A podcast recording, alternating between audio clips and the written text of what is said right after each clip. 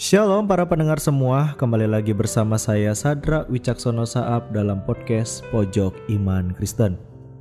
Judul renungan kita pada hari ini adalah Hati-hati Berbicara yang terambil di dalam Yakobus 1 ayat 26 hingga ayat 27.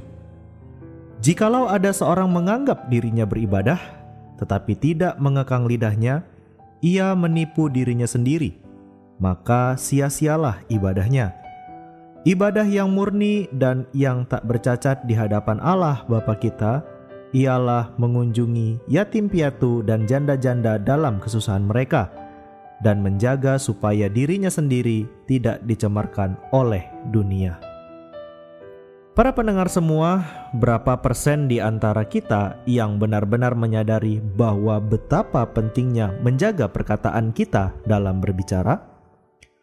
Ada kalanya kita kurang hati-hati mengeluarkan candaan atau perkataan.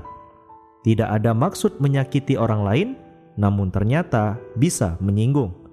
Bayangkan jika perkataan yang tidak sengaja kita keluarkan mendatangkan kebencian, bahkan dendam terhadap kita, atau ketika kita tidak bisa mengendalikan ucapan, maka kita akan mudah terjerumus ke dalam percakapan yang mengarah pada dosa gosip, dosa kesombongan, ceroboh dalam berbicara, berkata kotor akan sangat mudah terucapkan dari mulut kita ketika kita tidak mampu mengendalikan apa yang keluar dari mulut kita.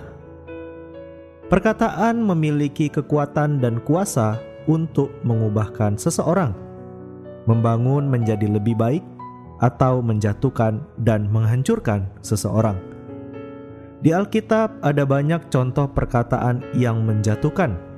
Ketika istri Potifar memfitnah Yusuf, akibatnya Yusuf dimasukkan ke dalam penjara.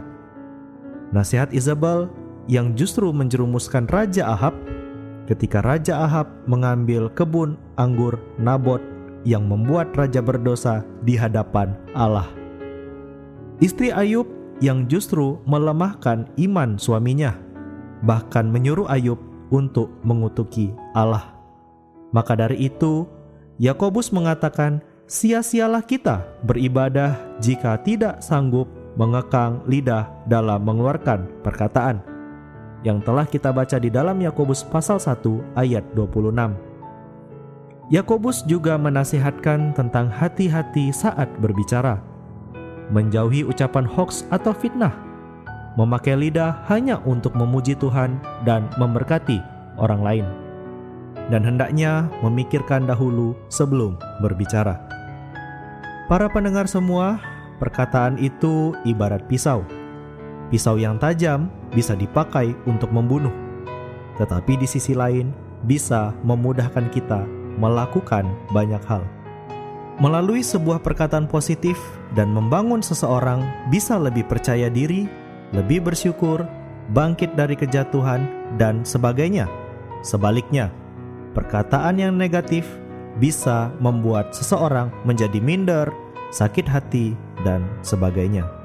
Maka dari itu, sebagai anak-anak Tuhan, kita harus berdoa meminta pertolongan kepada Tuhan agar kita dimampukan untuk menjaga lidah dalam berbicara.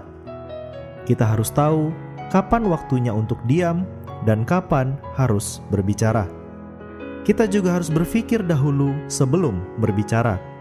Jangan asal nyeletuk atau menyinggung orang lain. Lebih baik sebarkan kebenaran firman Tuhan. Bela perenungan pada hari ini menjadi berkat bagi kita semua. Tuhan Yesus memberkati.